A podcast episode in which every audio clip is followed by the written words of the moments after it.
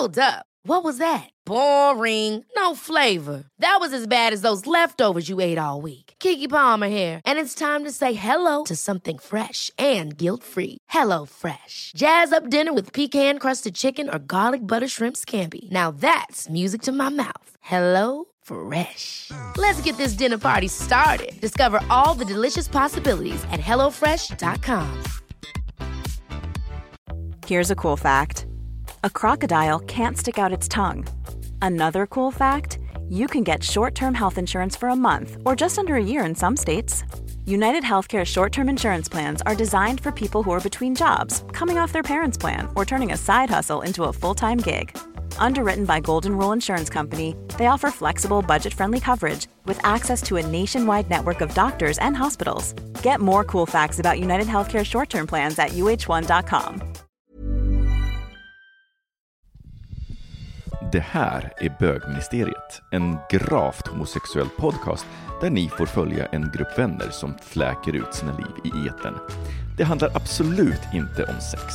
Eller jo, det gör det.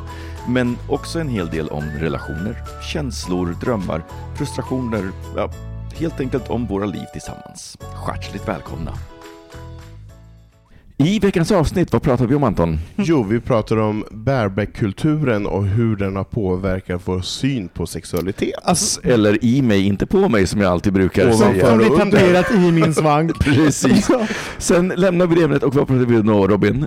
Nej, men jag har ju då blivit inbjuden till ganska mycket Facebook, eh, så här välgörenhetsinsamlingar och även startat en själv. Och jag har mycket känslor kring det här. Kring ehm, Vi pratar om vårt det ständigt dåliga samvete kring välgörenhet och Ja. kring att man alltid kan göra mer. Så det och mycket mer kan ni höra i veckans avsnitt.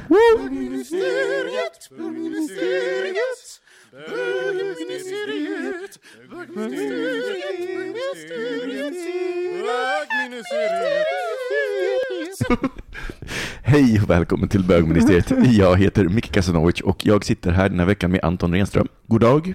Och Robin Olsson. Hej. Hej. Eh, hörni, eh, vad är det mest oväntade som har hänt er den här senaste veckan? Jag har fått en eh, påse från RFSL. det var oväntat. De bara hora, här får du en påse. Du må- Du måste Den tänka här, på den här behöver du. Ja, jag det. Nej, men jag har fått en trevlig liten present. Vi vi ska väl prata lite mer om det ämnet sen, men ehm, eh, också insåg jag då, eh, alltså jag kanske inte har haft, haft en... Den är jätte, tack så jättemycket RFSL och eh, Apollo som har gett den. Eh, Jag tror inte att jag visste om vad det för relation till tygpåsar innan jag fick den. Så det slog mig att jag inte är så förtjust i tygpåsar egentligen. Nej, Så du att- en aggression mot Ja. tygpåsar. jag gillar gesten att få den, men jag bara, vad ska det, nummer ett, det, det, är, det är opraktiskt. Det får inte plats så mycket. Saker går sönd, sönder som man har i det. Eh, Man ser oftast inte riktigt vad det är. Det är liksom som ett in, det är inifrån perspektiv. Mm. Bara jag vet vad som står på den här påsen och den, den har någonting med min identitet att göra. Det är alltså på Söder som går runt med så här. Nej, men jävla- är- eller hur? Man bara, det här är en, Det är inte, är, den är inte så praktisk som den är identitetsmarkör. Exakt. Exakt. Alltså får jag fråga, har den en liten reflex? har den det? Det vet jag inte. Det Kanske. ser ut som att det är lite reflex i den här Oh. runt omkring. Och texten, Det är ju lite då praktiskt. tycker jag att den är ganska härlig ändå, den här lilla... Ja, den kan rädda mitt liv. Men, ja, men så, här, så det mest oväntade var väl att jag inte tycker om tygpåsar. det var oväntad När, insikt när du ändå är som en kom, liten söderhipster. som kom Ja. som ett brev på posten. Anton? Ja. Mm. Eh, mitt veckans mest oväntade var... Att, jo, det var att jag var och såg Shirley Clamp Just i det! lördags. Mm. har jag också Eh, sett. Nästan, nästan 20 år på scenen. Mm. Alltså mega glad när jag fick erbjudande om att gå och se den. Eh, från en dag till den andra. Och jag hade så jävla roligt. Alltså Det var jag, sista föreställningen också, det var sista föreställningen. Jag skrattade så hejdlöst. Men den ska ut på turné tror jag. Den måste ut på turné. Jag tror det. Alltså, Shirley for president. Jag tycker hon är underbar. Jag älskar den här uh, lolligheten, den här Borås-tjejen som bara stapplar runt Ja. och har en stämma utan dess like. Jag tror jag har, jag har pluggat den här i den här podden förut. Har jag sagt det? det har, var inte jag, jag tror också jag var begeistrad när jag gick. Alltså, vi är två som har... För du var ju kanske lite finare, fick gå på någon typ av premiär. Jag gick på premiär. Exakt, jag fick ju gå när, när platser behövde Pöbeln fyllas. kom. Ja. Exakt. då, då fick jag gå dit klädd i konst. Men visst var det roligt att man... Alltså, Eh, det finns ju någonting i de här... Eh, själv, hur skapar man kontakt? Att man, att man som artist kan vara lite så här självutplånande. Men inte ska jag ta plats, jag är bara en vanlig tjej. Jag är liksom, alltså, här står jag, har, har blivit tilldelad en, en, en tid i rampljuset. Eh, men jag är som er. Alltså den. Alltså, det är inte alla som kan, som kan äga det narrativet. Så det kan kännas lite påklistrat. Om du är, du är också en diva kan man tänka om vissa. Men, Men- Shirley, Ja, men. Jesus, hon är ju det. Hon är ju det. Ja, men det, är, det är kul att du säger det, för det är exakt så. Hon är ju en girl next door samtidigt som hon är en megadiva, Ja. allt i ett. Och det känns inte påklistrat, utan det känns så här, hon har ju instrumentet. Ja. Hon har ju hela den här stjärnstatusen. Det är bara att köra. Men sen är hon ju en lantlolla. Ja. Som kommer från Borås och älskar att vara sådär en vanlig person. Och det märks ju. Alla i Borås Hon är bara, Sveriges alla Dolly- i Borås bara, Sveriges Dolly Parton. vi kanske inte Riktigt så långt.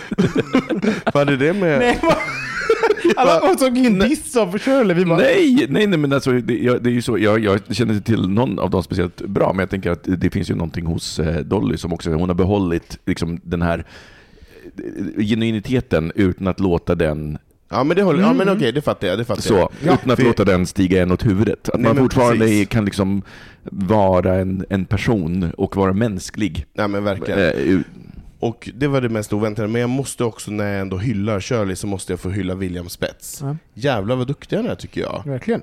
Alltså, jag, hade, tror inte att jag hade vågat mig på att göra den där typen när jag var 14 och ett halvt. Han har regisserat föreställningen. Ja, ja. mycket bra tycker jag. Och så roligt, vi har, på premiären så gick han upp och kramade alla. Alltså det, det finns någonting när man står, när det står ett bedag, förlåt, bedagat gäng, och de alla var i 40 upp till 60. Och så kommer William Spets upp och kramar, man bara Någons barn är uppe och kladdar på de vuxna på något sätt. Någon har, ta ner barnet. Nej, det är William Spets.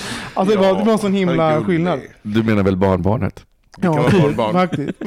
Men, eh, men med, med Dolly, när vi ändå... Eh, den absolut bästa podcasten jag har hört i mitt liv, nej, jag har hört många bra, men en, den jag älskade mest just nu. Jag ska ge två poddtips nu. Mm. Skriv ner, ta fram penna och papper, kära lyssnare. Det finns en podd som heter Dolly Partons America. Okej, så det är en... Eh, de använder, det är en, en kille som vars pappa har lärt, eh, Dolly blev sjuk en gång och, eh, och eh, på eh, akutmottagningen så träffade hon en man som var läkare. Och de Tandläkare. blev... Vad sa du? Tandläkare. Tandläkare, ja. Var det det? Mm. Ja. Hans pappa Och sen tandläkare. blev de vänner. Så Dolly blev vän med en random eh, tandläkare. Hans son har liksom gått runt hela... Bara, hur i hela fridens namn känner min pappa Dolly? Alltså det här är så absurt att min pappa är kompis med Dolly Parton. Och sen gick han på, då på en, eh, på en Dolly Parton-konsert och, och fick liksom en epiphany. Han var alla i den här konserten ser det är olika eh, Det är olika eh, politiska tillhörigheter, det är olika åldrar, det är olika etnicitet. Det var en sån, var en sån diverse, blandad grupp. Han bara, "Va- vad är det här? Om, inte, om min pappa känner den här människan, och så har han fått liksom till intervjuer med med Dolly Parton, där han säger själv så här att det blir som rabbit holes. Så att han, han intervjuar Dolly om hennes liv och sen så säger hon någonting och han bara, vänta nu, vad säger hon? Och sen så utforskar han de här små, små grejerna som hon säger som kan På handla om... egen hand? Ja, på ut- egen hand. Utan henne? Ja, Nej, han, med, med henne. Med han, henne? Ja, han intervjuar henne. Ja, sen går ja, han tillbaka och så lyssnar han igenom. Sen bara, Aha. vänta nu, nu nämner hon någonting i förbifarten. Men, bara, men vad betyder det här? Och så börjar han in, äh, göra research kring det. Och, då, och det visar sig att, liksom, att Dolly har, har ju liksom ingångspunkter i men, socioekonomiska förhållanden, kring politik, till Ja. rasism, Ja. alltså sex, feminism. Allting berör Dolly. På, hon är jätteopolitisk, men världens mest politiska person. Ja. Och så bara hamnar han i så här, så att han berättar egentligen historien om USA från 50-talet till Via idag Dolly via Dolly Parton och hennes Gud musik. vad coolt. Det är så jävla... Alltså, jag måste lägga till att, att en grej till, som, alltså, hur fantastisk den är. Min eh, eh, sambo då, som är amerikan, eh, vi kan inte, det, det finns en regel nu att när vi träffar hans pappa så kan inte vi prata politik. Det går inte därför att hans pappa röstade på Trump. Ja, ni hör ju, och liksom, det är en smart person men hjärntvättad av Fox News. De har börjat bonda över Dolly Partons America. oh my god! Alltså du Wow. vet så att du, när jag var och hälsade på, eh, det, det mest oväntade för mig kan jag säga, när jag var eh, uppe i helgen så bara, Mike bara, jag måste bara svara, det är min pappa, jag bara, vad pratar ni om? Dolly Partons America. Du vet, hans pappa är så, liksom, tycker också så mycket om den. Alltså du vet den här personen som, i- liksom, på det politiska planet så kan inte vi enas och vi har Mm. varit tvungna att lägga ner. Men han kan liksom connecta med det. Ja, det ger mig så mycket hopp. Ja. Gud vad härligt. Och Dolly, Dolly bryter. Dolly Partons America. Och det finns ju någonting att gå via, att närma sig känsliga ämnen via någonting annat. Ja. Att man bara, okej, vi håller inte med varandra alls, men vi håller med om att den här låten är bra. Och, och, och, liksom, och det som den betyder och, och Ja, det som den, eh, den laddningen den skapar oss, det håller vi med om, absolut. Och så blir det en ingång till massa andra grejer. ja. Skitbra. Och sen en, en podd, poddtips till, förlåt att jag bara babblar på nu, men jag ska vara tyst sen. Det kommer du inte vara. Nej men då är det eh, Evelyn Mock, en, eh, jag gjorde ju stand-up för en herrans må- många år sedan. Hon är komiker och vi giggade tillsammans några gånger. Hon har ju fortsatt att eh, bo, och vara ståuppare och bor i London nu och har eh, men hon är av kinesiskt ursprung och eh, har flyttat till London och har hon träffat en annan eh, kille, jag tror han är från Kambodja eller malaysiskt. Och de har startat en podd som heter Rise to meet you. och, Jag orkar det inte. är så roligt. Och den är, den är så här, det- it's a podcast about Asian culture. Det är typ Ja. asiatisk kultur. Och så tänker man, ja, men det, gud varför är det intressant så? Alltså det är, det är så roligt. Jag skrattar så jag gråter för att också, för den, den, de, de har ju eh, de, de, jag tror att vi, vi också så här, vi, man, man, man inser vad mycket beröringspunkter man Mm. har. I Sverige också så här, så jag, bara, jag, jag, mina närmaste grannar var en kinesisk familj.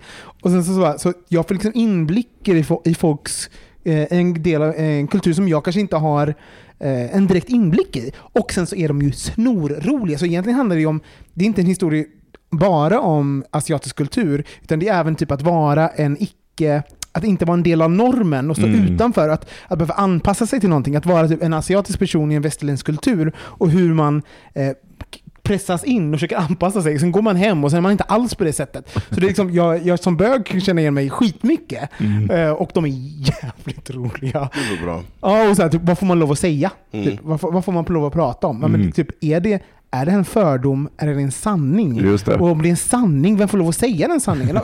Som man själva kan vara så här. Ja, Rise to meet you, lyssna på den. Och Dolly Partons America. Fantastiskt.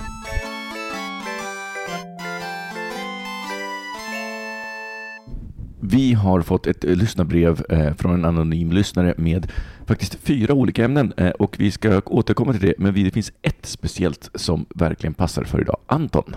Ja, men precis. Då är det en punkt som lyder så här. När det kommer till sex så har jag under de senaste 10-15 åren sett en trend i porr och på sociala medier mötesplattformar. Eh, att BB, bareback sex, har blivit allt mer vanligt och eftertraktat. På senare år så har det gått från att inte bara ha att inte bara ha oskyddat sex utan till att komma inne i sin partner. Det finns även en rörelse inom BB-kretsar att som frisk inom situationstecken ha oskyddat sex med någon med HIV och då gärna som frisk inom situationstecken vara den som blir penetrerad och får sperman i sig. Vad tror ni kan vara orsaken till detta? Med tanke på att alla dessa dessa sexuellt överförbara sjukdomar som finns, varav vissa kan leda till döden. Har dagens mediciner och medicinska behandlingar gjort att vi inte längre fruktar sjukdom? Nu kanske HIV är, den, är det första vi tänker på, men det finns en mängd andra sjukdomar som kan drabba en. Den ena värre än den andra och vi löper lika stor risk för att drabbas av, av den som HIV vid skyddat sex. Extra fråga till denna. Vad är er inställning till kondomer? Något ni använder eller inte och om det är något ni kategoriskt använder vid penetration finns det ett undantag. Yes. Eh, Så det är eh, i grund och botten en, en fråga som rör eh, bögars inställning till moderna inställning till sex. Precis. Så. Jag gissar att ni har det här väcker tankar i er. Nej, inte, vi, inte vi har ingenting att Inga, säga. jag är död. Inte en tanke. blank. Ja. Eh, ja. Då, Ja, men alltså, alltså, generellt håller jag med brevskrivaren om att jag också ser en viss typ av trend. Eh, och att det, det kanske inte är någonting som jag har funderat på på det sättet, men nu när han skriver det så tänker jag bara, ja men det är nog på det sättet att det är mer i porren så är det mer eh, komma i och så vidare. Nej, men det är en sak som, som för mig blir en, en ganska tydlig tidsmarkör i bögporr. Gud, Om ja. det är en kondom på så är det liksom så här, då, då är det- det är väldigt hög chans att det är en liksom rätt gammal Mm. eh, film. För att idag så finns det verkligen... Jo men inte bara kondom på, också just vart du kommer någonstans. Mm. Just det. För det är så här, vart, vart sprutar du när du är klar? Gör du det inuti? Eller drar du ur den och kör på ansiktet eller på magen eller bara fritt rakt ut i luften? Där finns det också en, en eh, nyans i, Mm. i tidsepoken i porrfilmen. Men det är det även i, i straight porr kan jag säga. Alltså, det fanns ju en tid där det, alltså det, det, jag tror att i, eh, ja men såklart så tror jag, men det här handlar ju om, om att komma från en era där det fanns en aids-skräck och, Mm. och det. Så att, att skydd, skyddandet där, men också den straighta normen var att komma på kvinnans ansikte eller på hennes tuttar. Och att det var någon, jag, jag, jag, har- alltid tolkat det som att det fanns liksom något så lite familjärt att komma i. Det är ett barna, barnaskapande. Det är lite mysigt. Ja precis, men alltså liksom att dra ur och spruta över någon. Alltså i straighta sexen Mm. nu så var det är liksom så här porrigt och, och att det finns liksom en dynamik mellan mannen och kvinnan Ja. där. Och sen så bögarna liksom kopierade Fast liksom det, det Maneret. maneret på ett Mm. Ja. Fast Eh, dynamiken är väl, det är väl någon typ av härskar... ja såklart. Alltså det du förnedrar ju när du sprutar någon i ansiktet. Ja, eller så var det ju förr då. Ja. Alltså man, eh, tänker jag. Ja. Men, men nu med, med det här med spruta i och så, alltså det, det, har ju, det tycker jag väl är ganska uppenbart att man känner att man kan göra det nu. Nej, men- nej, men, nej, men jag, tänker också att det är ju någonting som vi alltid sätter i förhållande, men om vi egentligen tittar på så här, mänsklighetens sexualhistoria så är ju liksom den eh, aidskrisen som vi gick igenom, det är ju liksom en, ett undantag Ja. eh, från liksom hur, hur, här, hur vi egentligen har sex. Därför att liksom, kondomer är ju ett slags, ja men det är ju en planering. Det kräver Ja. planering eh, inför, eh, inför sex. Jag menar, vi är djur eh, som, som, som alla andra. Och det är väl också det här med att komma in i någon, i alla fall för mig så är det en, extre, det är en extremt intim grej Ja, att göra eller få gjort. Det. Eh, Så det finns ju liksom också den nivån, att det är liksom en intimare känsla. Jag kan tänka mig att vill man göra en porrfilm med en inti- intimare känsla så tar man liksom, när man, nu när man kan göra det. Men det känns ju inte riktigt som att, nu är det min tolkning av porrfilmerna, men det känns inte riktigt som att det är att man är ute efter någonting mer intimt. Det känns bara som att det är an, ett annat förhållningssätt till vart du, Mm. vart du ska lägga din sats när du avslutar, att det finns någon typ av um, okejande i, i det området också som inte har funnits tidigare. För tidigare känns det som att det har varit kutym att dra ut på något sätt. Eh, och nu är det så här, men okej, vill du komma i mig så får du göra det. Eh, Men är det inte, handlar det inte om vad är, alltså som du säger Micke, så är, handlar det om, om att eh, just med aids är en ny sak, folk har knullat i årtusenden, Mm. som då har det varit på ett visst sätt. Och antagligen så tror jag att man har kommit på varandra i ansiktet, straighta som bögar och lite här och var. Så. Sen, så, sen så är det kulturen skapar en laddning kring vissa saker. Så Ja. när någonting har varit förbjudet så blir Mm. ju det det man vill göra. Alltså jag minns Ja. själv när jag, när jag, så här, jag, bör, jag knullade, började knulla när jag var ganska eh, ung sådär. Och då fanns ju någonting de här gångerna som jag alltså jag var så kåt så jag ändå hade oskyddad sex och hade sån ångest kring det. Men just att välja det valet att ha oskyddat sex fanns ju någonting i alltså det farliga som Mm. också gjorde att det fanns en laddning. Mm. Och, och, och att den, det, den anspänningen mellan vad man får lov att göra eller vad som är farligt för en och göra det ändå är ju eh, ja, men det förbjudna. Det är Mm. klassiskt så. Och, och här rör ju du vid en eh, grej som fick mig att eh, reagera i brevet. Eh, som, eh, som, jag är inte ute på sociala, liksom, de här grinders, så jag vet inte om den observationen är eh, så att säga, en bra generalisering eller inte. Men eh, brevskrivaren eh, skriver ju att eh, det finns en trend att liksom, nu med prep och så vidare att eh, det skulle finnas en, eh, alltså att man, att man inte bara är, är likgiltig inför en andres status utan att man snarare också söker upp det. Mm. Eh, vilket jag, alltså min bild är väl att det fortfarande finns ett stigma och så att man kanske inte riktigt söker upp det. Men jag vill säga, är det så att man nu börjar exotisera det? Alltså att det blir den här farliga lilla extra kanske kryddan i, i det. Alltså jag kan ju se det att det skulle kunna vara så, men jag vet inte om den generaliseringen är... Det är väl en, alltså, kan man säga, allting som är, alltså som man, alltså det, det bygger, jag ser det som att det bygger på ett narrativ kring att någonting är förbjudet ändå. Alltså så att Mm. man bara, eh, jag ligger med dig men du är farlig. Som man Mm. tänker utifrån en HIV-positiv persons Eh, alltså han, han nämner så här att man då som en, som en eh, HIV-negativ person och, och ska då ta satsen från någon som är positiv. Eh, och jag gör det ändå trots att du är... Och då, det är ju att, att säga att någon annan är farlig och att någon Mm. annan är, är liksom den som gör, man blir gjord någonting eh, mot sig av någon annan och utsätter sig för något.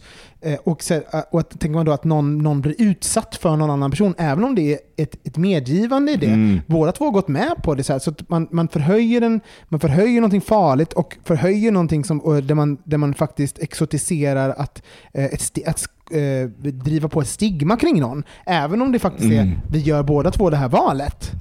Ja, Eh, ja men precis.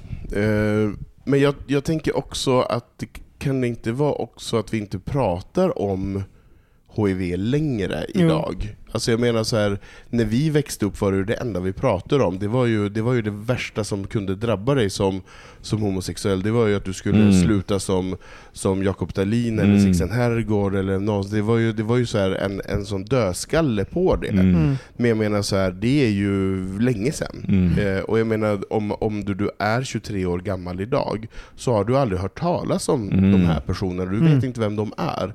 Och vi pratar ju inte om HIV och aids på det sättet, utan vi pratar ju om det som att det är, det är någonting som är en kronisk sjukdom som du inte vill ha. Mm. Men det är ju heller inte ett jättestort problem om man får det. Nej. Det är ju inte så att det, hela världen går sönder. Men för, för, för det här är lite intressant, för jag, jag, vi sitter ju här, eh, liksom, vi, jag, ni är över 40, jag är 39. nej, men, nej, men, så här, nej, men vi, sitter, vi sitter liksom med ett bagage av information jag känner att jag inte alls, en, jag har faktiskt inte koll på hur en 21-åring, hur informerad de är eller vad de Mm. har för relation. För det kan ju också vara så här, jag tror att den här mellanåldern, någon som är så här 29-30 någonting, de, de har nog mer beröringspunkter med vår generation. Mm. Men en 20-åring, jag umgås inte med så mycket 20-åriga bögar. Så jag vet inte hur, om det finns ett informationstapp, som det kommer en ny generation av bögar nu in som inte alls har koll. Och så att, så att liksom den här, för jag kan också märka så här, om man tittar på sociala bögmedier så finns det också en öppenhet kring,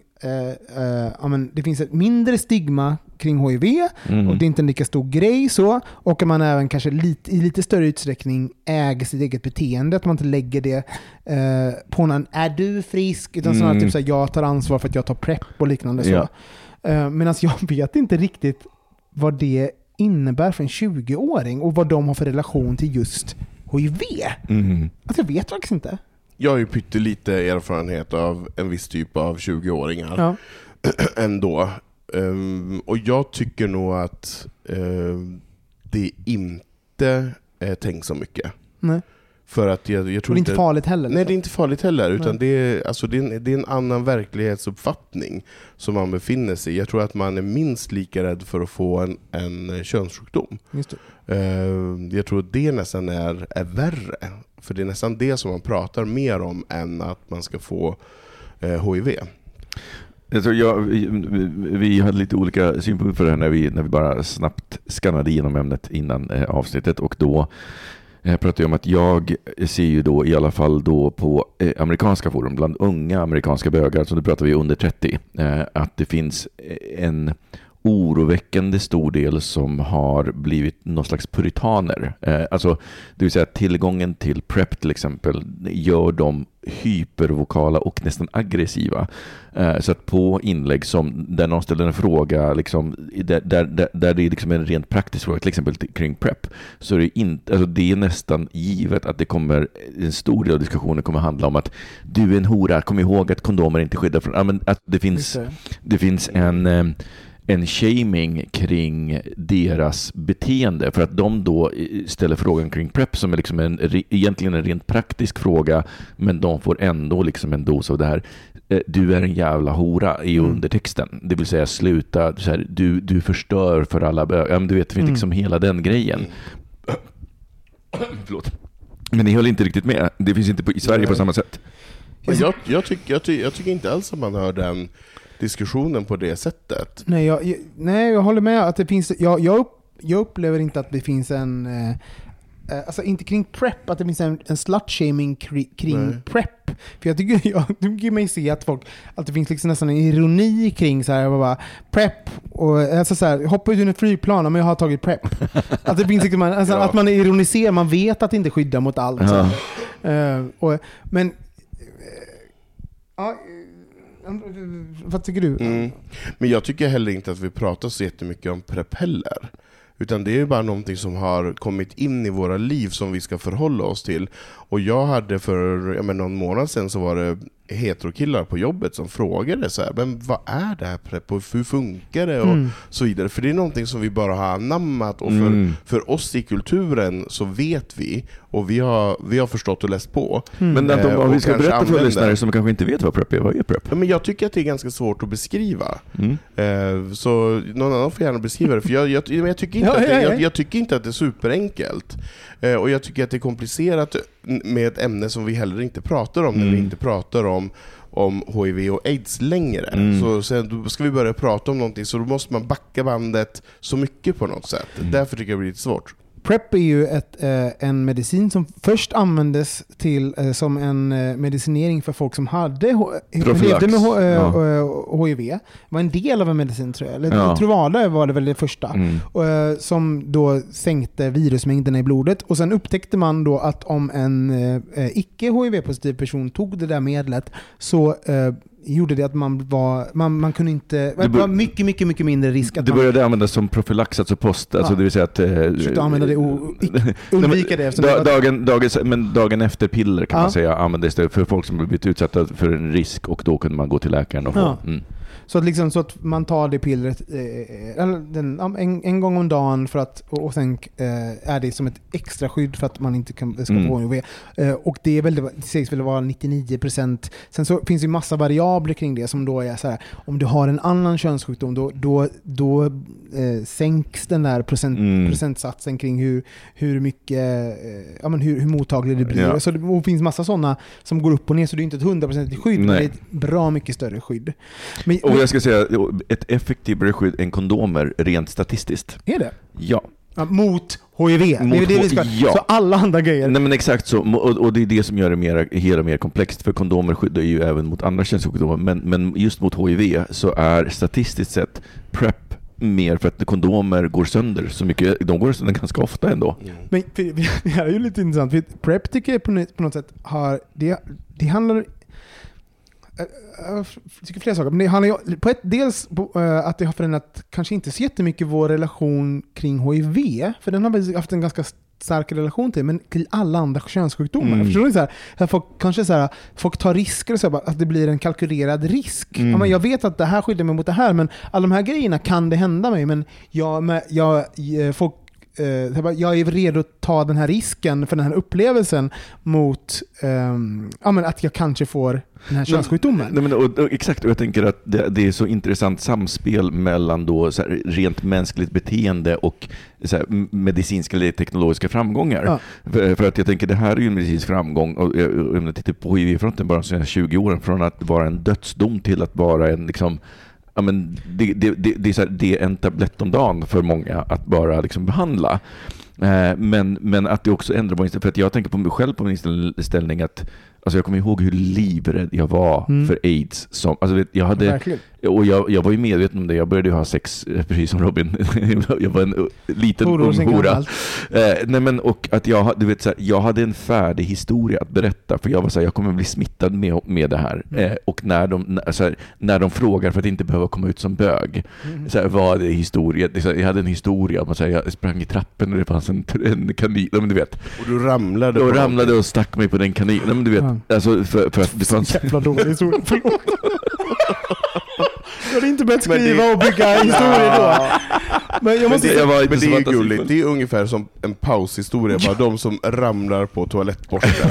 Det är också så gulligt när folk bara så här ramlar från toalettstolen och råkar sätta sig på toalettborsten, Mm. och att den blir vänd med borsten upp när man råkar ramla Så på konstigt. Alltså det är så, Alltså, det är så det är så konstiga Det är- saker som det händer. den på, när de kommer in till akuten. Eller ja. att man råkar sätta sig på en sillburk på midsommarafton. Det är också som att, åh, gull. Men jag- Men, eh, det, ja, gulligt ändå att du Där, förberedde... där, men där var mitt 12-åriga jag. Och jag tänker också att... Och sen, och sen så har ju liksom min, min inställning har ju bara följt med den här kulturella programmeringen. Eh, och jag inser att ä, även om liksom prep inte är riktigt aktuellt för mig idag, så jag, så jag känner till det och jag är jätteglad att det finns. Jag tycker att jag är ett stort fan av prep eh, överlag. Eh, Men jag inser ju också att det har förändrat min inställning, så jag är inte längre, vet, så här, för mig så är inte längre så här, HIV, det är inte, så, det är inte läskigt för mig. Men, och- För mig, jag är, jag är ju rädd för den här jävla supergonorrén Ja. som gick i, i UK, som Men- liksom ingenting biter på. Det är jag rädd för. Men när slutade du då vara rädd? När, när försvann rädslan? För den måste ju ha suddats ut pytte... Nej, det men- kan inte bara vara så... nej, jag, nej, men, nej, men det var gradvis, men jag måste säga att, att, att just, eh, jag, jag tror att PREP gjorde, det förändrade också vårt samtal Mm. eh, kring, kring, allt, eh, kring, överhuvudtaget kring HIV. Därför Mm. att tidigare så låg Ja, men det var, det, men som, jag älskar att våra lyssnare skrev frisk inom citationstecken, för att Ja. det, det otroligt problematiskt att Mm. prata om frisk och sjuk. Och att bara det är ett tecken på liksom hur vi har förändrat vår inställning. Att det Mm. inte längre är, det är inte längre så här, är du, är, här- Är du frisk? Är du frisk? Nej. Man bara, är det? Man Det är den frågan Jag var ju på. förkyld. Ja, jag är alltid lite sjuk. Men jag vill ta upp, jag vill ta upp ett beteende på, på sociala bögmedier som jag tycker är... Alltså, tänk dig det här. ehm, att någon åker, eh, bestämmer sig för att vara racerförare. Som är liksom jättefarligt. Så, men, Mm. men, så här, men någon, det är en hobby. Eller du mycket har varit fallskärmshoppare. Ja, exakt. Ja. Eh, och sånt. Man bara, och det, när man säger det så säger ingen så här, det är, det var dumt, det är jättedumt. Ja. Det är vilken dum grej, för man kan dö. Alltså du kan, om du åker racerbil, då kan den sladda Mm. och sen kan du vara med i en krock. Det är mer risk för krock i racerbil än vad andra bilar. Har Ja. du tänkt på det? Ja. Eh, varför gör det det? Varför det så här, alltså, bara, och, och sen så ska du behöva svara på nej, och så ska då den racerbils... Nej, nej men jo, jag har tänkt på det och jag, min, jag har kalkylerat och sen ska man berätta det och sen så har den andra då rätt att säga nej men jag, jag skulle aldrig åka Mm. racerbil. Jag tycker det är fel att du utsätter din kropp. Alltså, ni hör det här samtalet. Mm. Det här är ett samtal som alla som kanske har tagit ett, medvetet beslut och gjort Mm. en kalkylerad risk kring sin kropp och sitt Mm. eget beteende ofta behöver liksom stå till svars mot, Ja. mot vårt andra. Och jag förstår att man har sex med andra personer, Mm. så, men det man har då och om ni inte hängde med nu så gjorde jag en koppling mellan liksom, så här, varför har du oskyddat sex, varför har du sex på det här viset? Och det handlar om shaming, att man, Mm. ja, att man har gjort ett, ett beslut kring sin eget sexuella beteende och sin egen kropp, och sen så möter man någon annan som har gjort ett annat val. Mm. Eh, Och då har man med en gång rätt att ifrågasätta den personens val. Mm. För att det, av någon anledning tycker man att Just det. ja, det har man rätt till. Ja, men det har jag rätt att fråga. Mm. Just det. Eh, vilket man så här, och utgår från att den personen, när man ställer den typen av vinklade frågor, så ut, utgår man från att den personen är dum i huvudet och inte gjort Ja. ett medvetet val. Nej, men- nej, men- så man, när, man- när man är vuxna människor och har gjort, gör ju det i all, alla andra eh, situationer. Så det finns, det finns liksom någonting, vi har inte nått dit i det sexuella samtalet ännu, som är eh, lite absurt och jag tycker vi alla ska tänka på det. Att man bara också, eh, jag tycker definitivt att man, eh, man ska ta ansvar för sig själv. Bara, det här är jag redo att göra med min kropp och med mitt beteende. Och sen träffar jag andra som har andra Eh, Mm. så, och speciellt när det handlar om random se- sex. För då är det så här, ja men vet du vad, det handlar om en stund som Mm. eh, njutning där vi bara faktiskt kan, eh, hur, vill, hur vill jag ha det skönt? Eh, Nej, men så här, värdet av det mötet kan inte Ja. bestämmas av någon extern part som inte är med i det. Så ska, ska tänka på det liksom. Mm. Eh, vad, att inte så utgå från att folk inte har tänkt. Nej. Mm. Eh, och vad har vi rätt att fråga varandra? Men, men jag tänker också, det här säger ju också någonting om vår samtid för att eh, ofta då när jag i de här diskussionerna så eh, har jag gått in och varit så här, okej vet du vad, bara, bara så här just, justera den här den här personen, för jag säger ju exakt det, den här personen Mm. har tänkt igenom bara, ja, så vad är ditt problem egentligen? Är Mm. liksom min fråga. Om den här personen har tänkt igenom det och så vidare. Och då eh, kommer man ner, alltså någonstans så, de, de försöker ju då eh, hitta förklaringsmodeller som är logiska för att Ja. liksom, det ska vara stringent och så. Och då hamnar man ju i det här, okej Mm. men vad är det mer som inte ska vara okej? Ja. För, för då kommer det, ah, men det kostar sjukvården, bara okej. Eh, Eh, men jag kostar sjukvården en, eh, en massa, men så fallskärmshoppare på riktigt. Alltså det kan gå riktigt illa och ganska lätt. Eh, Är, är det okej att jag gör? Ja, men det är inte samma sak. Varför inte? Alltså det är så här, Nej. att man, då måste man börja värdera olika upplevelser.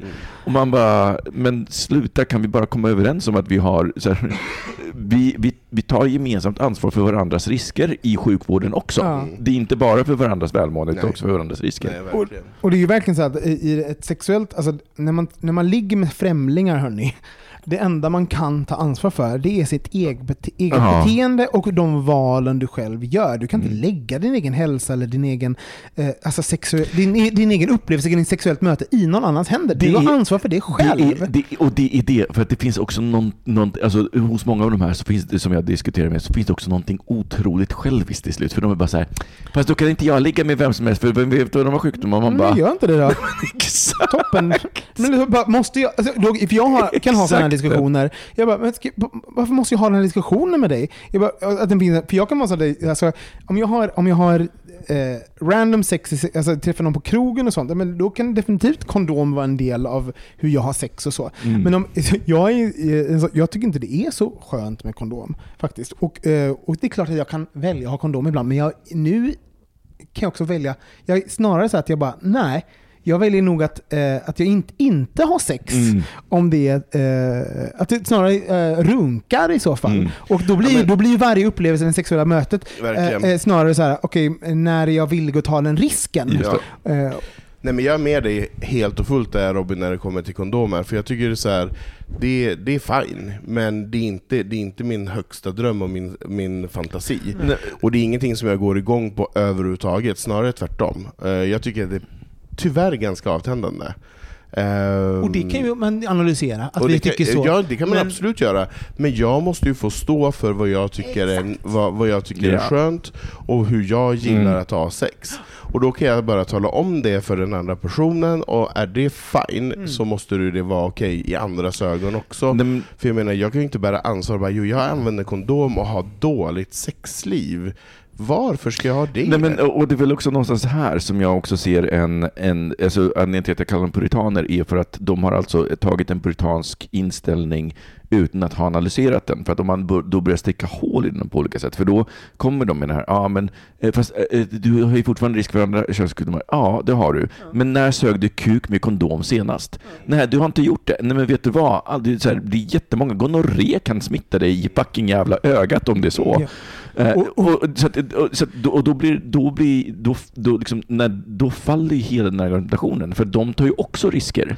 Och nu sitter det jättemånga där ute och sen tänker, alltså för, för det, här, det här delar ju, om det här tvistar de lärde, vi har alla olika ingångar på sex och vi alla vill ha sex på olika sätt. Mm. Och det sitter nog några där ute och tänker så ja ah, men vet ni vad, Eh, den här, de här andra sjukdomarna, om man utsätter andra för risk. Jag bara, ah, okej men eh, nej, du, utsätt, du utsätter dig själv för risk när Genom att ha du, sex. Genom att ha sex. Så att liksom, så nej, eh, jag, är så jag, måste, säga, jag knullar mindre nu när jag har den här inställningen än vad jag gjorde när jag hade kondom. Eh, alltså, nu har jag kondom också ibland, men, men förstå så här. Men, Mm. men eh, det var snarare att, att, eh, att jag friköpte mig vissa handlingar Mm. som oralsex Ja. och sånt. För att jag har ju kondom. Men, men alltså, Mm. nu har jag ju egentligen mindre sex, eh, men jag har kanske bättre upplevelser de Ja. gånger jag väljer att ha det. Och, så här, och jag har mer genomtänkt sexuellt beteende. Jag, bara, Mm. jag har en preferens. Mm. Och så här, det här är min riskanalys. Mm. Jag väljer att ha sex på det här sättet. Jag har tänkt igenom det. Medan förut, så här, ah, det fanns liksom någon form av... Eh, ja, men, och, så, Och, och, och det här som jag ska gå ut och provocera lite nu, min, min generalisering då kring de här yngre eh, bögarna som har den här, är att det finns men har en... de det? Vadå? Överlag? jag tänker inte, bara unga. Nej, nej inte, men inte, inte bara unga, men, men det finns väldigt tydligt liksom bland unga amerikaner ska jag säga. För, men det är också så att det finns en skillnad. Jag märker mest medelålders i Sverige, me- mer folk som har upplevt en aids-kris och som har, alltså eh, så som var, Mm. som såg vänner dö. Och som så här, hur kan ni vara en del av det här när det här hände? Ja, alltså okej. så Mm. har jag nog varit med om. Eh, Och där jag kanske inte såg någon vän dö, men jag kommer ihåg krisen. Ja, men, och, och, och det, finns, så här, ja, det finns kulturella skillnader, men jag tänker att det finns ju också en trygghetsnarkona... Alltså vi lever i ett samhälle där vi ska vara trygghetsnarkomaner. Vi ska vara så... Vi, vi, vi vill ha alla de här häftiga upplevelserna, men de ska vara säkra. Det ska alltid finnas ett skyddsnät under. Ja. Alltså det, det, det, till slut så krockar den här synen. Och det är ju det som jag tror vi ser med till exempel PREP. Att liksom den här delningen av de som fattar. Mm. Man, alltså här, man kan göra det bästa och sen så är det bara att, att hålla tummarna. Lite så. Eller de som bara, nej nej, vi, allting måste vara helt 100% så här, eh, säkert innan man ger sig in i det. Och jag eh, tänker också att det är en sån jävla farlig bana vi är inne på, att alla ska vara trygga hela tiden. Ja. Jag sitter och tänker på det här, det som vi började med, som, som jag tyckte var så himla intressant perspektiv som du sa Micke. Att, vi, att just aids och kondomer av, i mänsklighetens historia har varit en ganska liten sak. Ja! Som också så här, utifrån den, den jättetraumatiska upplevelsen som aids var i, för bögcommunityn. Ja, Som liksom också blivit en, som en norm, och som är helt förståeligt blivit norm, eh, en norm skapande. skapande Mm. händelse för vårt, vår kultur. Men så här, när man inte vill ha kondom, om man, alltså, det är problematiskt att tänka ur, ur biologi och alltså, sånt där. men, jag, jag, jag har ingen belägg för det, jag vet inte hur det är. Men jag tycker också att- det finns någonting att inte, om folk vill ha sex på ett andra sätt än just det, som den normen skapades ur någon form av trauma, eh, så kanske man inte ska, jag tänker bara att vi ska inte skapa skam hos varandra. Eh, kring, för det finns massa sex och vi har, eh, vi har tusentals år av historia.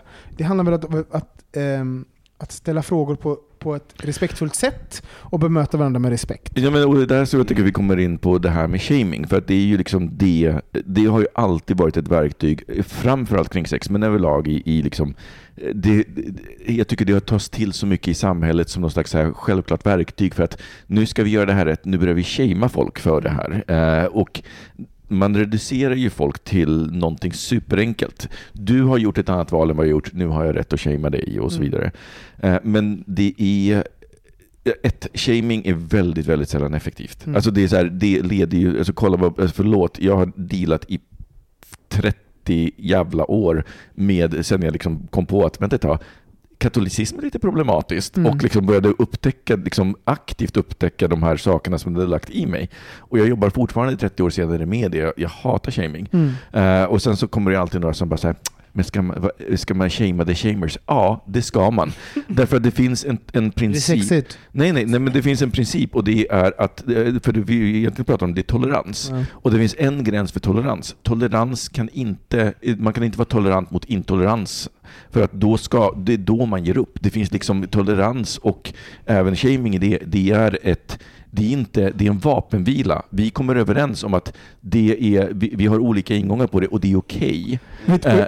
Och det här är ju problemet med att, du är inne på nu egentligen så här, varför demokrati är det enda politiska systemet som kan nedmontera sig själv. Ja, Alltså så här, man bara, men, men med shaming också så här, man bara, ehm, ja, och eh, det är ju faktiskt på söndag World AIDS Day, yes. eh, den första december.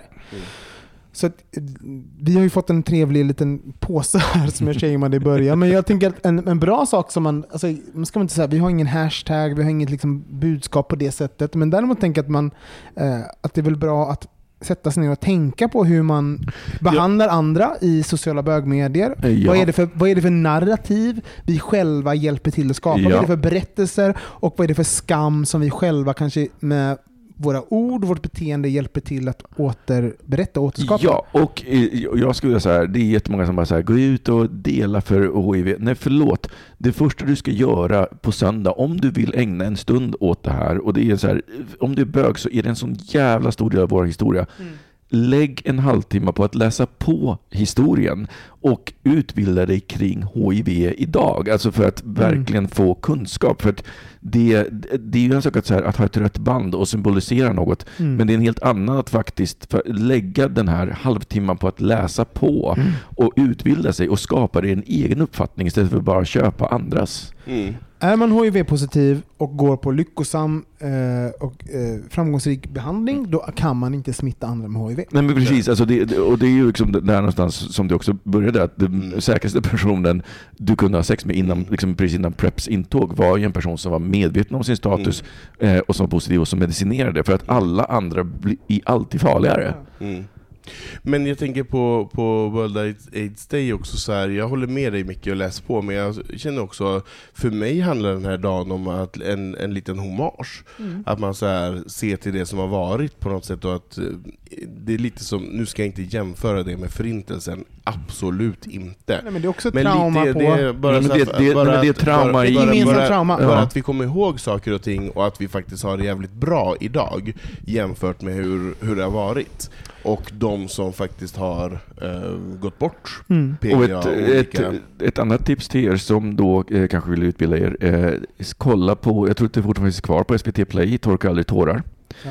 Eh, Vem är med där? Som Robin är med i och där Mike inte kände igen Robin för jag pekade ut Inte? det där är Robin. Och ironiskt nog så spelar jag ju då, eh, jag, om ni tittar på Tolkade Torah, då spelar jag personen som ger huvudrollen aids.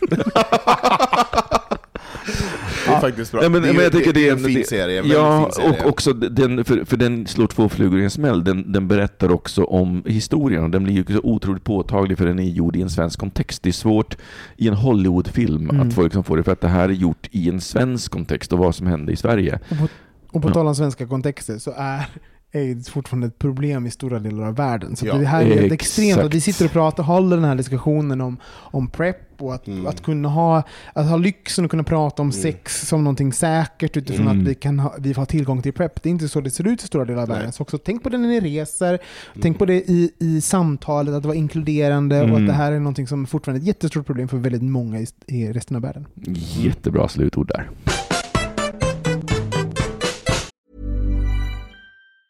En Imagine the softest sheets you've ever felt. Now imagine them getting even softer over time. That's what you'll feel with Bowl and Branch's organic cotton sheets. In a recent customer survey, 96% replied that Bowl and Branch sheets get softer with every wash. Start getting your best night's sleep in these sheets that get softer and softer for years to come. Try their sheets with a 30-night guarantee. Plus, get 15% off your first order at bowlandbranch.com. Code Exclusions apply. See site for details. Hold up. What was that? Boring. No flavor. That was as bad as those leftovers you ate all week. Kiki Palmer here, and it's time to say hello to something fresh and guilt-free. Hello Fresh. Jazz up dinner with pecan-crusted chicken or garlic butter shrimp scampi. Now that's music to my mouth. Hello Fresh. Let's get this dinner party started. Discover all the delicious possibilities at hellofresh.com. Quality sleep is essential. That's why the Sleep Number Smart Bed is designed for your ever evolving sleep needs. Need a bed that's firmer or softer on either side? Helps you sleep at a comfortable temperature? Sleep Number Smart Beds let you individualize your comfort so you sleep better together. JD Power ranks Sleep Number number 1 in customer satisfaction with mattresses purchased in-store. And now, save 50% on the Sleep Number limited edition Smart Bed for a limited time. For JD Power 2023 award information, visit jdpower.com/awards. Only at a Sleep Number store or sleepnumber.com. Robin, eh, idag när vi tog en, en öl eh, innan podden så kom vi in på ett ämne som vi var snabbt tvungna att avsluta för annars så skulle vi bara hamna i ett hål och prata slut på det innan avsnittet. Ja. Berätta. Nej, men det är slutet av november. Jag började en Movember-insamling Mm. som jag skulle nå 5000 kronor under eh, november. Och, för att, och så rakade jag mig och tjoflöjt, bla bla, ni vet vad det är, mot eh, psykisk, mäns psykiska ohälsa och eh, testikelcancer och allt vad det är.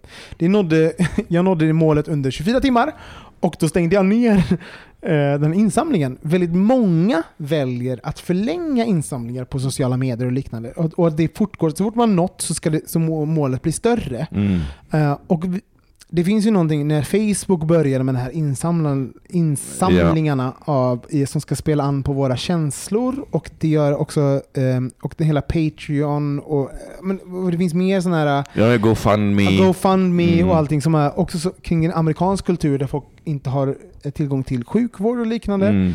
Eh, och nu på, det pågår ett par stycken så här, eh, böginsamlingar kring olika medicinska ändamål, kring ganska så här, specifika, så här, några svenskar som råkat illa ut kring surrogatmödraskap och sånt.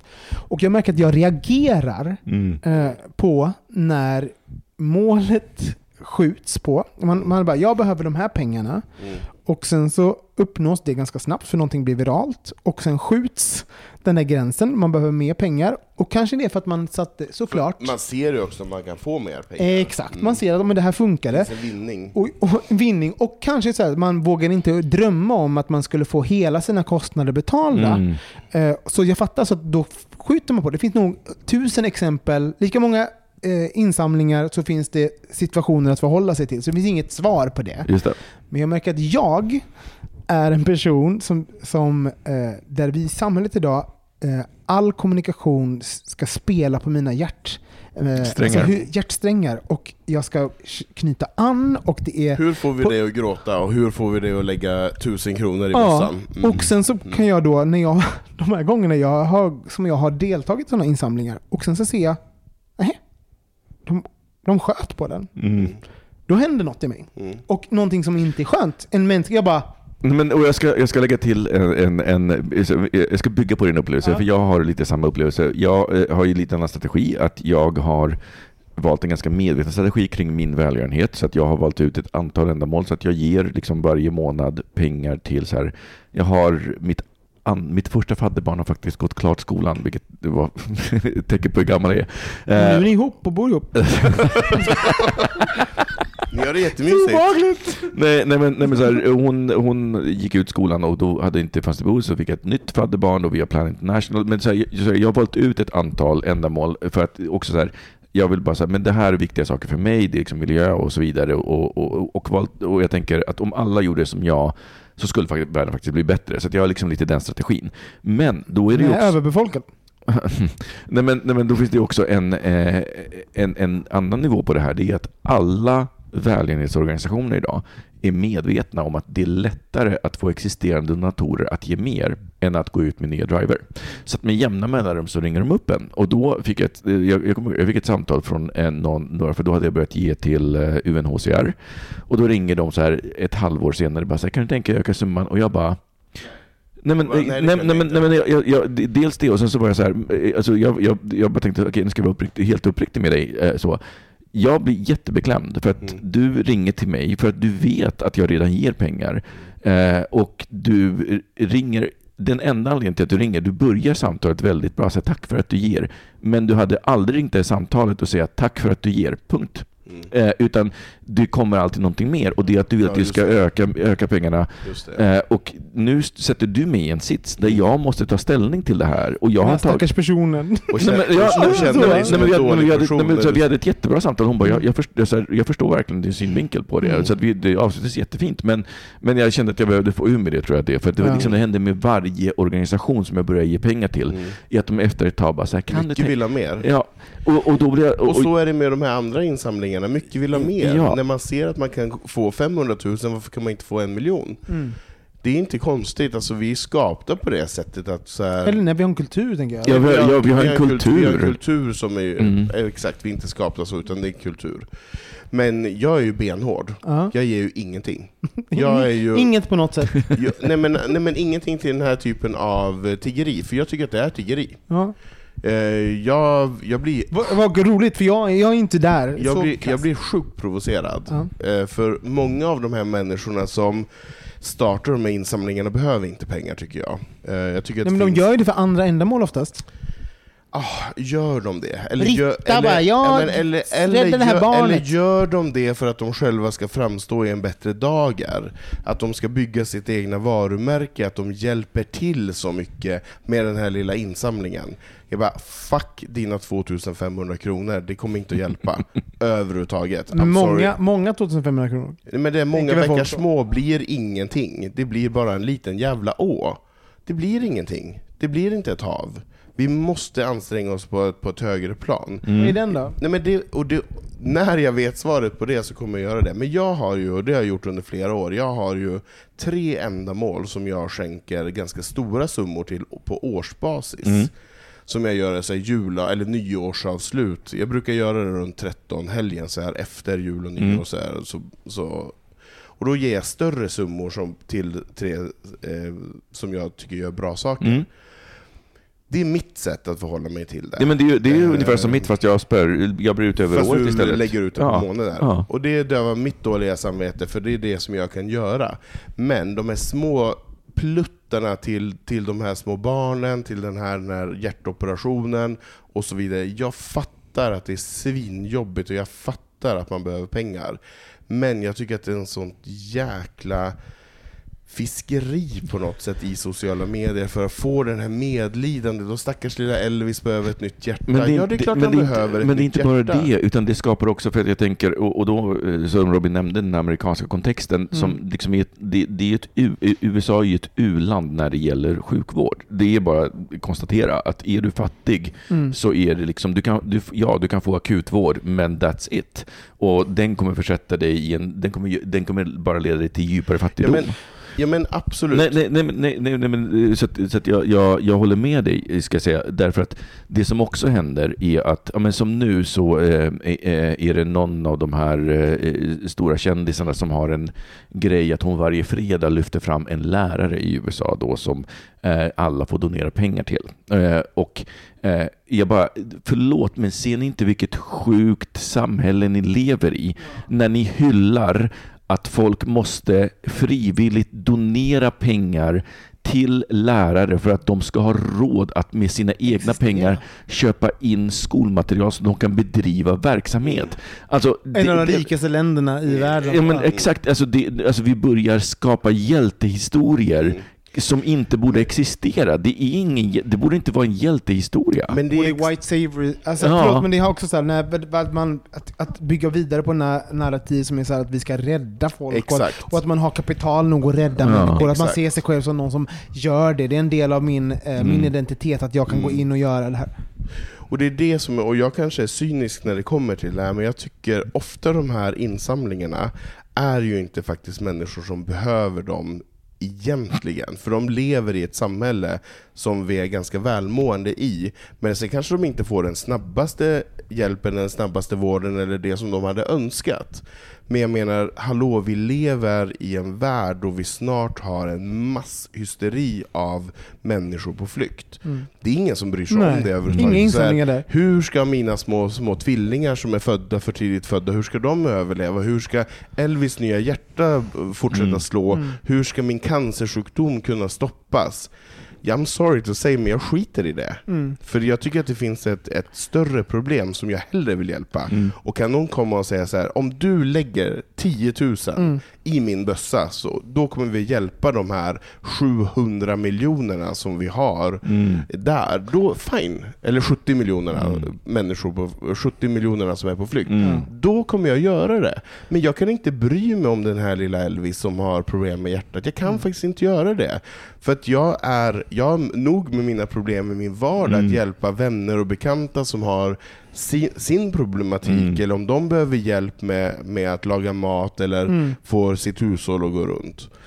Men alltså, för, för nu är jag inne på det, det som kanske kokar ner till vad jag, vad jag är, det, det, eh, vad jag har problem med. Och det är väl är de här eh, vita privilegierade historierna som vi är inne på på ett sätt. Som, som är så här, som, vad är det, och förstå, och nu vill jag bara tydliggöra innan ni alla är sura där ute, alltså bara eh, problem på individnivå för dig, för dig Anton och för dig Micke och alla ni där ute, ni kommer alltid ha problem i era liv som är stora. Ja. Och om man berättar dem och paketerar dem på olika sätt så kommer de vara jättestora i Mm. andra människors liv. Så att vi har alla den typen av problematik.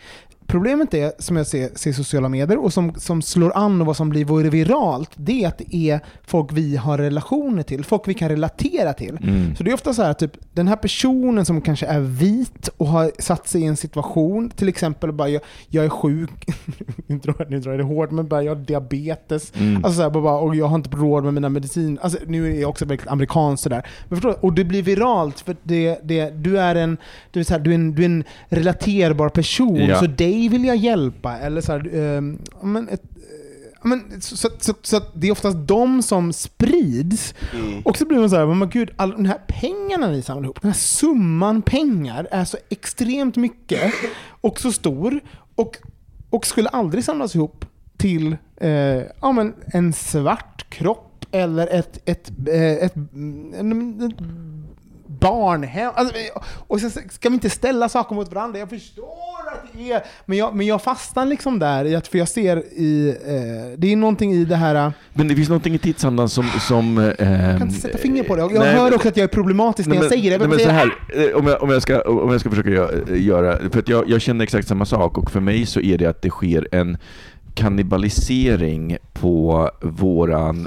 Här, det är ganska belagt att vi eh, sociala, alla sociala djur är lagda åt att vilja hjälpa till. Alltså så här, bebisar vid 14 månader visar altruistiskt eh, ex, eh, visar exempel på altruistiskt beteende, det vill säga att man sakar sin egen, eh, no, någonting som man vill ha för att kunna hjälpa någon annan. Så att det finns liksom någonstans inprogrammerat i oss. För att 14 månader så har man ändå inte fått in så mycket kulturell programmering i sig.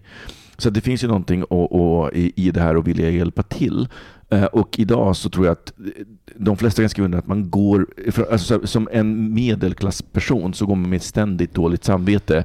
Att så här, jag borde göra mer och så vidare. Jag tror att man behöver idag en strategi, som du har Anton, liksom uttalat. Men jag, jag har valt ut tre ändamål som jag ger liksom, efter förmåga till. Tänk om alla hade gjort det. Mm.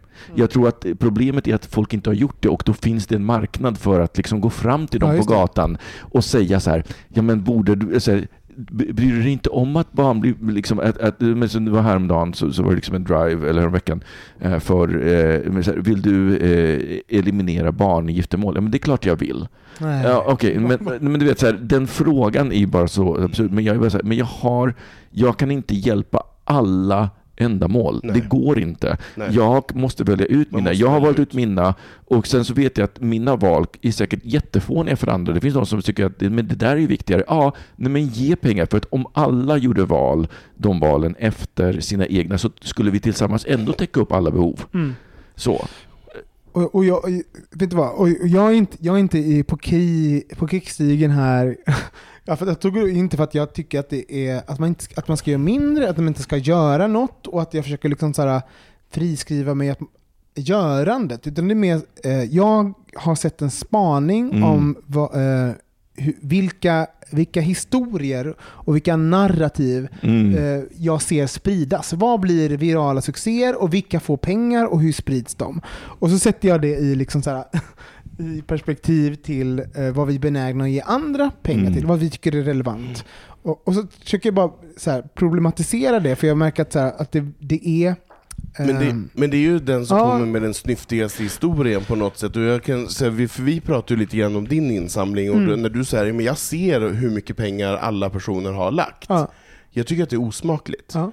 Alltså, jag blir jättestressad av det. Ja, men, det, men stressad, är, os, det är ju en jakt på att få, det är en like-jakt. Ja. Att man på något sätt, istället för, om man nu startar en insamling, har en anonym, så få in dina jävla pengar. Men ska du då bedöma din granne bara, joho, han har köpt en ny Merca, men han har inte lagt 250 kronor till den insamlingen. Så blir det ett problem. Men han kanske har lagt 500 000 till något annat. Mm. Vi har mm. ingen aning om vad han har prioriterat mm. i sitt liv. Och det tycker jag blir problem när vi håller på att bedöma varandra efter hur mycket charity man jobbar och, med och hur mycket pengar man lägger till de här småinsamlingarna och vad man gör i det dagliga samhället. Många ämnen på igång. Robin? Och då skulle jag vilja gå ifrån eh, monetära pengainsatser i, när det kommer till välgörenhet och tänka på, snarare istället för att så här, jag ger 500 kronor och friköper mig, eller så här, och, och ger det här. Tänk istället så här, vad, vilken fråga behöver jag lyfta? Ja. Vilket perspektiv behöver jag prata om? Ja. Har jag en kanal att lyfta en annan person, dess röst, dess berättelse? Alltså, att man tänker snarare att pengar och som kan bli virala, som är såhär likea.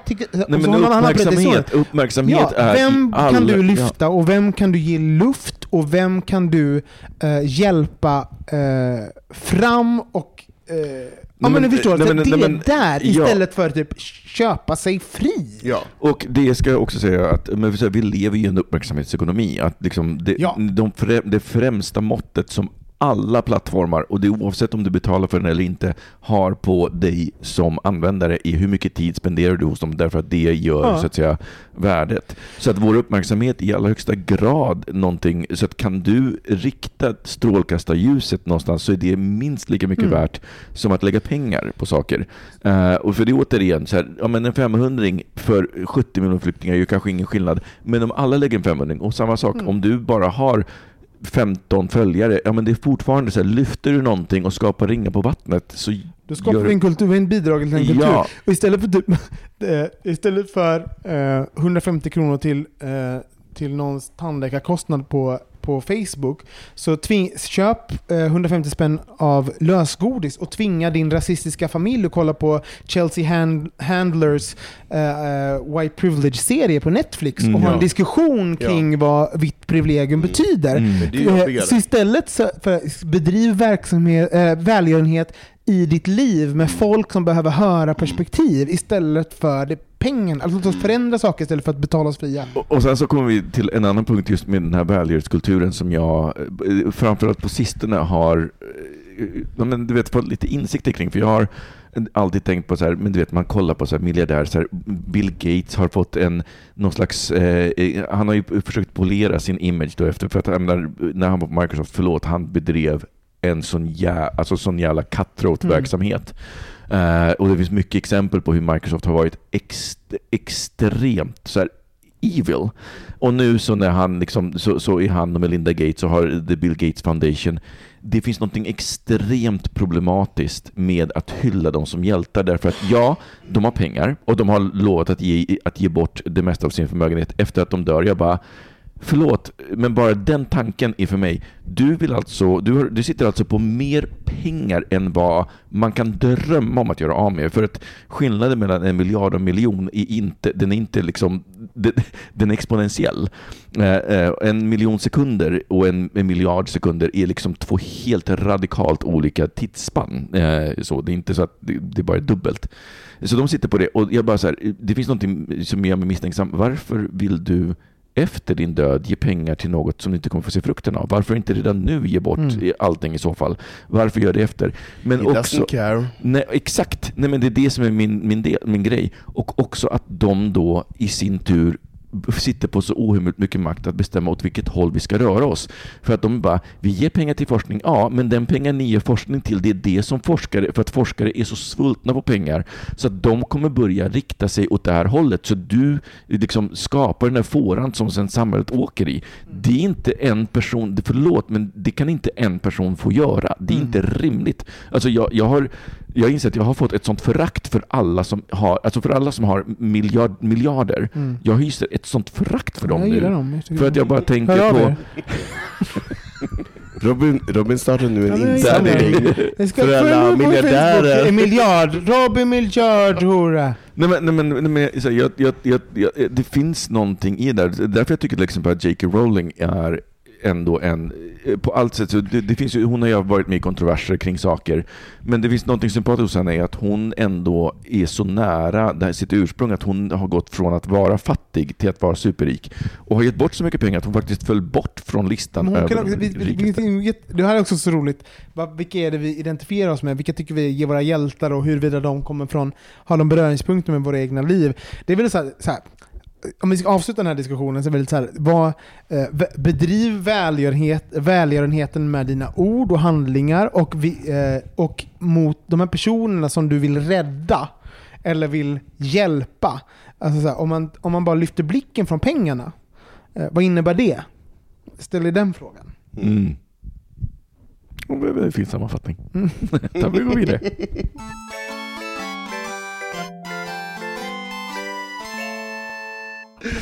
Hörni pojkar, eh, ni, eh, eh, ni eller vi tror att vi kommer få ganska mycket reaktioner på det här avsnittet. Nej, men det, det, är ju, det är ju någonting lite sjukt. Alltså, jag vet inte om ni... Eh, alltså, att sitta här, vi är sju och ett halvt år in i den här podden, och att vi vet ju också vad som är, när man säger något som är lite, kanske lite provokativt. Och vi kan ju höra, alltså vi får ganska mycket eh, reaktioner från er i sociala Mm. medier. Och på det sättet. så kommer man ju höra reaktionerna på våra lyssnare på när man har Innan sagt något. kommit. Innan det har kommit. Mm. Man bara, okej, men nu, nu sitter det folk och är provocerade av det här perspektivet som vi lyfte. Eller så här, nu lyfter vi inte det här tillräckligt mycket. Så när vi trycker stopp nu så kommer vi tänka så här, ah, men okej, nu kommer någon se det här. Och, och det är ju det eviga liksom så här, eh, men, jobbiga att vara, göra en Och, och det är det som jag tycker är så fint med våran podd, det är ju att vi inte håller på att redigera bort saker och ting. Nej. Utan vi faktiskt, vi klipper ihop, vi lägger jinglar emellan och lägger ihop avsnittet, men vi håller ju inte på att filtrera och ta Nej. bort nu sa Robin där och nu Mm. tyckte Anton det här, som andra poddar gör, där det sorteras väldigt mycket i tankar och åsikter.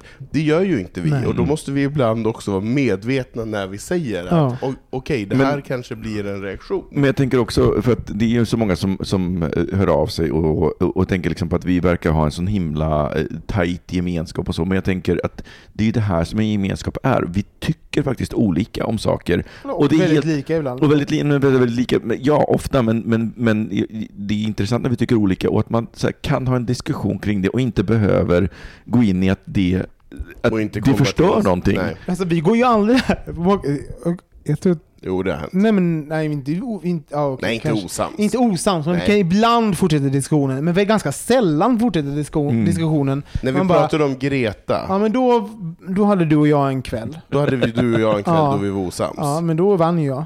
Ja, det beror ju hur man ser det. Nej, nej men så här, det, det, eh, Ja, det finns ju. många perspektiv. Alltså vi, så här, eh, vi, när vi väljer ämnen, och vi innan, oftast har vi inte pratat jättemycket om det, men däremot tror jag att vi, vi kan ha, både ha så här, men om har vi den här diskussionen då måste vi vara redo att ta det här perspektivet Ja. och lyfta den här Mm. eh, delen av det. Eh, och ibland så är det medvetet också, nej vet du vad, vi pratar inte om det här. Eh, det här kommer folk vilja att vi pratar om, Mm. men det gör vi inte. För att det är inte, man kan inte den, ta alla sidor och Nej. och kanske blir det ett bättre samtal utanför den här podden i så Mm.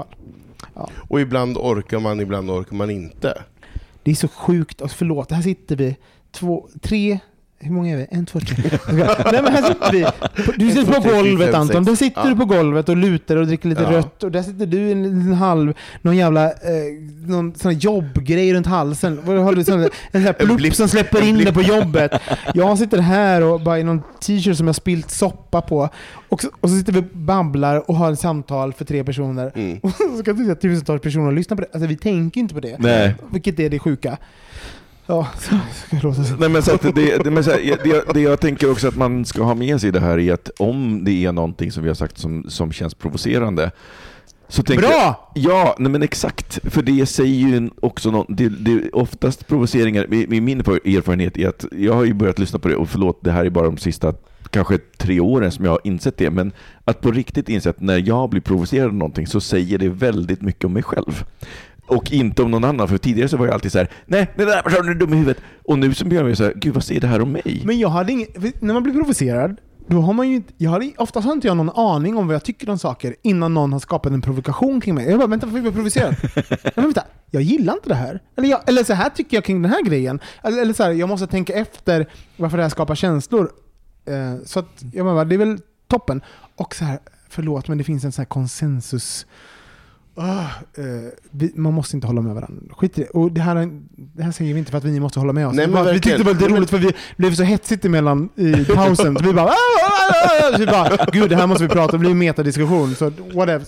Men det är ju roligt när man, när man ifrågasätter saker och ting, och det är ju roligt så här när man på morgonen lyssnar på Nyhetsmorgon, när man borstar tänderna, och eldar upp sig över att någon säger någonting, och man bara vad är det här för jävla idiot som Men har det blir där? ni, blir ni upprörd? Alltså, jag, Alltså oerhört. blir, vad, Ja, när när, när alltså, blir du jag- upprörd? Vad är din mest upprörd, eh, Anton? När blir du s- upprörd? Mitt, min största allergi när det kommer till andra människor är när det kommer hittepå-människor. Vad- vad- är det hittepå-människan skapar sig en egen plattform, och det är bara buffel och båg.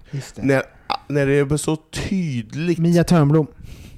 när det är så tydligt att man bara har hittat sin egna, sitt egna mantra som man har lurat alla andra med. Ja. Man låtsas att man är något som man, man inte låtsas är. inte, man Mm. övertygar sig själv och alla andra om att man har hittat hittat. Man har Mm. hittat Guds tal, Guds gåva, det. vad det nu kan vara. Och sen förmedlar man det som att det är det enda- rätta. Och då blir jag så sjukt provocerad. Mm. Det finns ju en person, och jag har ingenting emot henne rent personligt, men hennes professionella jag, Elaine Eksvärd. Mm.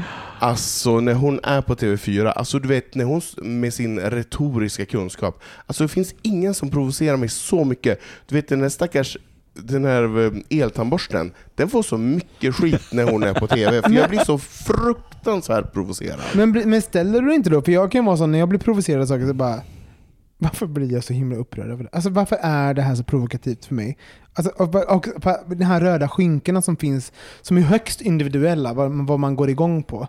Ja, men det är ju att jag tycker att hon är hittepå. Hon Ja. har ju byggt sin retoriska rättvisa genom att hon bara vågar Jo, prata finns om också, saker fast, och ting. Okej, men om det tvistar de lärde, jag bara, det, det kan också vara så här. jo men det finns väl sanningar i det, förstår du, att det, är- i det som sägs. Jo, men Alltså, det finns det ju med när Mia Törnblom också pratar. Jo, jag, jag, det är det jag menar. Så att alla som... Eh, eh, det kanske inte passar alla människor, det vill inte betyda att det är osant.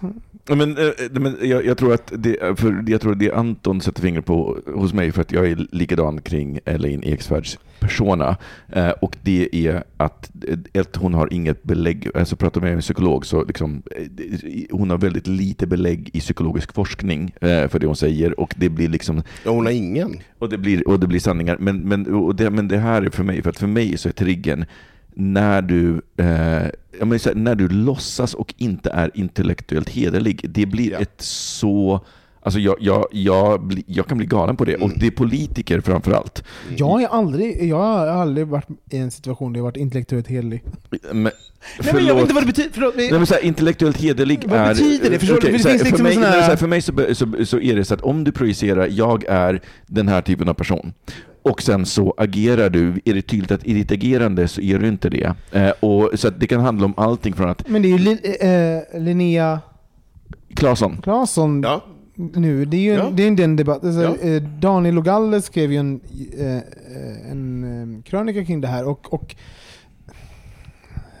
det, det, vi, det, det är ju du inne på också Andon, det handlar ju om så här, att, att, att skapa ett narrativ och att skapa en, en situation och en, eh, och en kontext där man kan prata om någonting och problematisera någonting för att to prove a point, för att lyfta ett problem i samhället. Mhm. Och huruvida det är så här, behöver, behöver det ha sanningsbelägg? Alltså, så här, alltså, så- Men jag, jag, här är, ja, men nu går vi in på någonting som är, kanske ska få mer, kan få ett egen del i vår podd. mm. Eller? Ja, det kan du få. Nu är en timme har vi spelat in nu, så Ja. kanske ska vi gå in på... Eller så tar vi på två, liksom så timmar, här- två timmar till och prata om det. Åh, herregud, nej. Ja, eh, du får lämna det till ett annat, men däremot så vill vi gärna eh, eh, höra från er lyssnare. Vill ni att vi utvecklar det här ämnet så kan ni få skriva in och skriv in era tankar kring det för att det är så himla fint att få, inte bara få en fråga utan att få studsa våra tankar kring mot era tankar. Ja. Så att ställ Precis. inte bara frågor utan berätta om hur ni tänker och vad ni funderar på. Så vi får säga att ni har fel. En, en sak jag tänkt på, för ofta så vi vi ber folk skicka in frågor. Så här, och, och det sätter ju liksom någon form av motprestation, att någon måste ha, vara formulerad kring Ja. saker. När vi kommer in i det här rummet när vi spelar in podd ibland, så är vi bara, jag, jag såg den här saken så kände jag en känsla. Ja. Och, och sen så formulerar vi liksom en fråga eller en frågeställning efter det. Så Mm. ibland kan det vara så här, om ni ser en spaning, att ni Mm. så Ja. ser något och ni blir berörda.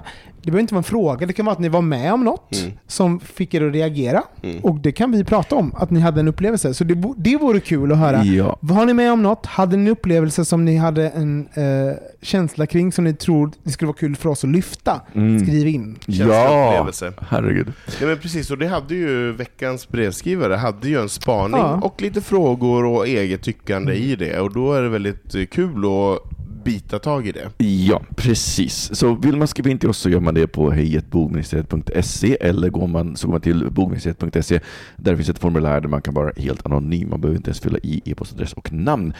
Och Jag heter At Olsson Robin. precis. Och jag heter Anton Renström. Och jag har precis raderat mitt Instagramkonto idag. Så! Har du? Ja, Fy fan vad du är dålig. jag valde att radera mitt Instagramkonto. Så att, eh, Vi, vi skapar Nej, men vi, vi... Pratar, vi pratar vidare om det här när vi stängt av. ja. Vi hörs nästa vecka.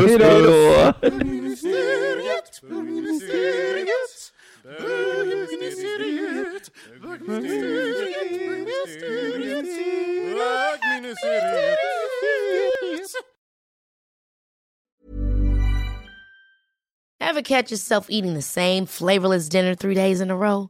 Dreaming of something better? Well, HelloFresh is your guilt-free dream come true, baby. It's me, Gigi Palmer. Let's wake up those taste buds with hot, juicy pecan-crusted chicken or garlic butter shrimp scampi. Mm. Hello Fresh. Stop dreaming of all the delicious possibilities and dig in at HelloFresh.com. Let's get this dinner party started.